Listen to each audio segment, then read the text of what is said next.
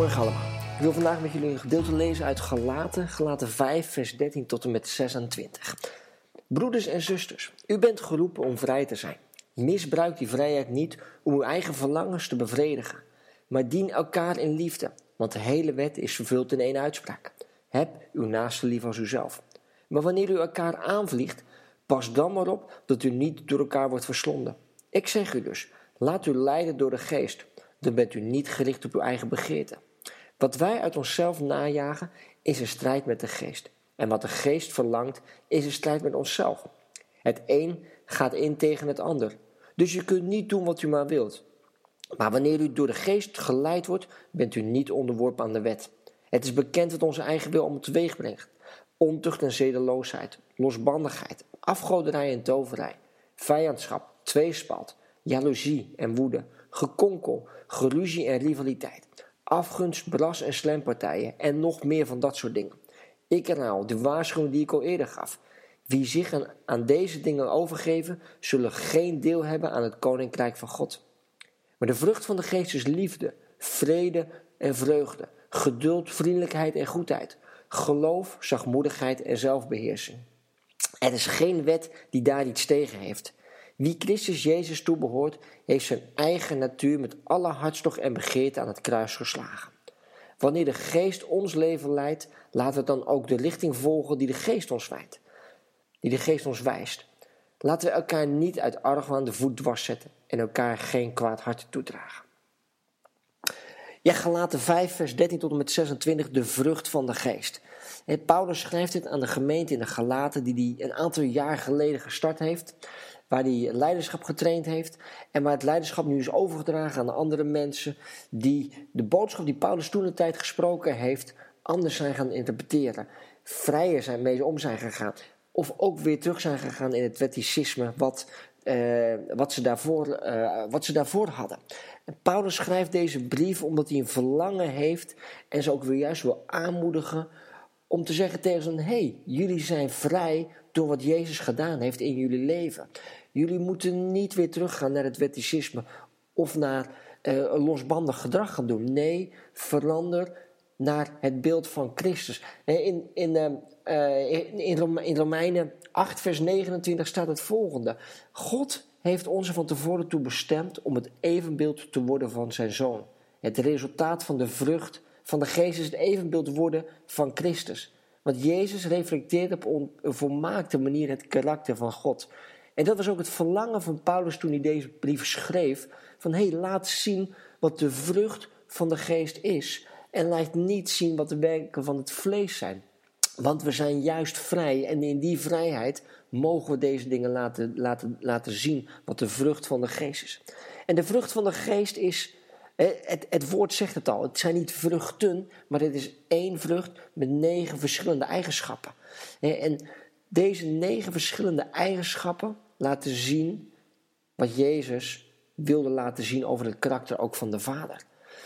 Gezamenlijk zijn deze vruchten hetgene wat christenen in hun leven hebben laten zien wat Jezus heeft voortgebracht in hun leven. En al deze vruchten, liefde, vreugde, vrede, geduld, vriendelijkheid, goedheid, geloof, zachtmoedigheid en zelfbeheersing, is een vrucht van de geest. En deze vrucht zorgt ervoor, als je hiermee aan de slag gaat, dat je verandert. Dat je verandert naar het beeld van het karakter van God, naar het beeld van Jezus toe. En daarom schrijft Paulus het ook als een bemoediging, niet als een ontmoediging. In zijn teksten is hij redelijk hard ingelaten. Is hij duidelijk wat hij zegt. Als je dit doet, als je blijft leven naar, hè, naar, naar het vlees, zul je geen deel hebben aan het koninkrijk van God. waarom ben je hier nog mee bezig, zegt hij zelfs. waarom doe jij dit? Dit is niet het beeld laten zien wat Jezus van je wilt. En dit hele stuk in Galaten gaat over verandering van je karakter. Verandering van karaktereigenschap. En het opdracht en de aanmoediging om te groeien. En groeien is niet gemakkelijk. Groei loopt geleidelijk. In onze tuin hebben wij, een, uh, hebben wij een boom gestaan die we zes jaar geleden geplant hebben toen we hier kwamen wonen in het huis waar we nu woonden. We dachten, nou is een mooie plek, is een leuke plek. Nu, zes jaar later, hebben we natuurlijk de boom wel groter zien worden, maar wat we niet hebben gezien, zijn de groei van de wortels. En nu, zes jaar later, wordt onze tuin een beetje geruineerd, omdat die wortels dik zijn geworden en ons pad daardoor omhoog brengen, waardoor het niet meer egaal is. Maar dat is groei die wel doorgegaan is, die we niet gezien hebben. En als je in een bepaalde fase van je leven zit, kan het zijn dat je denkt: hé, hey, ik groei niet meer naar het beeld van Christus toe. Ik groei niet in mijn karaktereigenschappen. Maar groei kun je niet zien tijdens het proces, zie je alleen maar achteraf. Je kunt niet zeggen, ik ga vandaag groeien in deze dingen. Je kunt aan het einde van de dag wel zeggen, hé, hey, ik heb ervaren, ik heb gemerkt dat ik anders reageerde dan dat ik voorheen deed. Hierin ben ik gegroeid, hierin ben ik veranderd. En aan de andere kant is groei ook onomkeerbaar. Wanneer je een zaadje in de grond steekt, in de grond doet, gaat het groeien. Dat is een normaal proces van een zaadje. Groei gaat altijd door. Je kunt het niet tegenhouden. Je kunt, natuurlijk kun je zeggen, ik wil dat het stoppen, gaat stoppen met groeien. Maar zeker als je het werk van de Heilige Geest in je leven wilt laten doen, zal je zien dat groei onomkeerbaar is. Want de Heilige Geest wil met je aan het werken. En wanneer je zegt, hier ben ik, Heer. De Heilige Geest, wees welkom in mijn leven. Verander mij. Help mij om te groeien naar het beeld van Christus toe. En groei komt ook vanuit binnenuit. En je kunt niet opgelegd krijgen, jij moet nu groeien.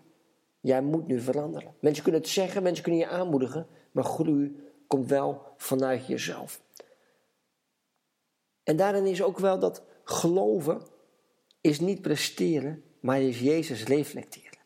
In alles wat je doet als christen reflecteer je Jezus. En als je dan kijkt naar de vrucht van de geest, kun je zeggen, Jezus, uw liefde in mij. Laat het groeien. Jezus, uw vreugde in mij. Jezus, uw vrede in mij. Jezus, uw geduld in mij. Jezus, uw vriendelijkheid in mij. Jezus, uw goedheid in mij. Jezus, uw geloof in mij. Jezus, uw zachtmoedigheid in mij. Jezus, uw zelfbeheersing in mij. Ook een soort gebed dat het mag groeien in mijn eigen leven. Om nogmaals terug te kijken naar wat in Romeinen 8, vers 29 staat. Om het evenbeeld te worden van Christus. We hebben vandaag avondmaal gevierd. En met een avondmaal vieren we en bedenken we wat Jezus voor ons gedaan heeft aan het kruis. Dat hij voor ons gestorven is. Dat hij is opgestaan. En dat we daarom vrij zijn en een relatie mogen hebben met God de Vader. We zijn niet langer meer een slaaf. We hoeven niet bang te zijn dat we een slaaf zijn. Maar ik mag weten dat ik een kind van God ben. Dat is ook wat we gezongen hebben vanmorgen. I'm no longer a slave to fear. I am a child of God. En dat is Gods verlangen. Dat is Jezus' verlangen. En dat is het verlangen van de Heilige Geest dat we dat weten. Maar wat durven wij te geven aan God? Durven wij ook te zeggen: Hier, hier ben ik. U heeft alles voor mij gedaan. U mag alles ook doen met mij en u mag mij veranderen. En de vrucht van de geest heeft te maken met ons innerlijk, met ons karakter. We voelen aan alles dat we hier nog moeten groeien. En dat is ook wat het werk van de Heilige Geest in ons wil doen. onlangs had ik het erover met een, met een aantal mensen. En daar zeiden we, hadden we het over de vrucht van de geest. Maar ook over de gave van de geest. Niemand zei terecht, de vrucht van de geest vind ik makkelijker. Want met de gave van de geest moet ik uitstappen. Moet ik dingen doen die ik eng vind? Moet ik dingen gaan doen die ik nog nooit gedaan heb? En de eh, afgelopen week was ik erover aan het nadenken. En ik kwam steeds meer bij mezelf achter van ja, maar wacht even. Misschien vind ik de vrucht van de geest nog wel moeilijker, nog wel lastiger. Omdat ik moet kiezen dan dat God mij mag veranderen. Als ik uitstap met de gave van de geest, ga ik naar iemand toe en dan kan ik het ernaar achter me laten. Maar met de vrucht van de geest mijn karakter laten veranderen door God, zodat ik meer op Hem ga lijken, is iets waar ik dagelijks mee bezig moet zijn. En zeggen, ja, dit wil ik neerleggen, dit wil ik veranderen. Heer, verander mij, hier ben ik. Dank u wel wat u voor mij gedaan heeft aan het kruis. Hier ben ik, verander mij. En dat was het verlangen van wat Paulus heeft geschreven in die brief. Harde taal, duidelijke taal, maar een verlangen dat we weer teruggaan en zeggen, Heilige Geest, doe uw werk in mij. Afgelopen week was ik bij kasteel Doorwet en als je daar aankomt ligt daar het kasteel, een prachtige omgeving en een mooie gracht eromheen. En ik liep er naartoe en ik kom bij, de, bij die ophaalbrug. En ik had toen direct het idee, de gedachte van ja, dit is ook in mijn eigen leven, in ons leven. Ik kan een prachtig kasteel hebben en ik kan de ophaalbrug dicht doen en ik kan niemand toelaten. En zo is het ook met de werking van de Heilige Geest in ons leven. Verandering door de vrucht van de Geest. Wat laat ik toe? Klik ik de, de omhoog en laat ik het niet toe of laat ik hem een stukje zakken? Kan er nog steeds niemand in? Of zeg ik nee, ik open ik hierbij de gehele ophaalbrug. Ik laat het naar beneden. Ik laat de Heilige Geest toe in mijn leven. En ik laat Hem het werk doen wat Hij wil doen en wat Hij moet doen. Durf ik dat aan? Durf ik de ophaalbrug te laten zakken?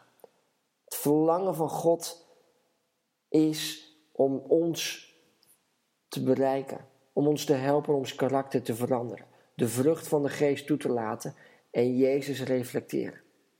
Geloven is niet presteren, maar is Jezus reflecteren. Vader, ik bid op dit moment ook dat we u zullen toelaten in ons leven. Dat we de opbouwbrug zullen laten zakken. Dat we niet bang zullen zijn voor hetgeen wat er gaat gebeuren. Maar dat we juist mogen beseffen that I'm no, long, no longer slave to fear. I am a child of God. Ik hoef niet bang te zijn. Ik ben geen slaaf. Ik ben vrij. Ik ben vrijgezet door het werk wat aan het kruis gedaan is. Door uw Zoon Jezus Christus. De Heilige Geest, wees welkom in mijn leven. Verander mij. Laat me groeien. En laat me groeien naar uw evenbeeld toe. Dank u wel. De naam van Jezus. Amen.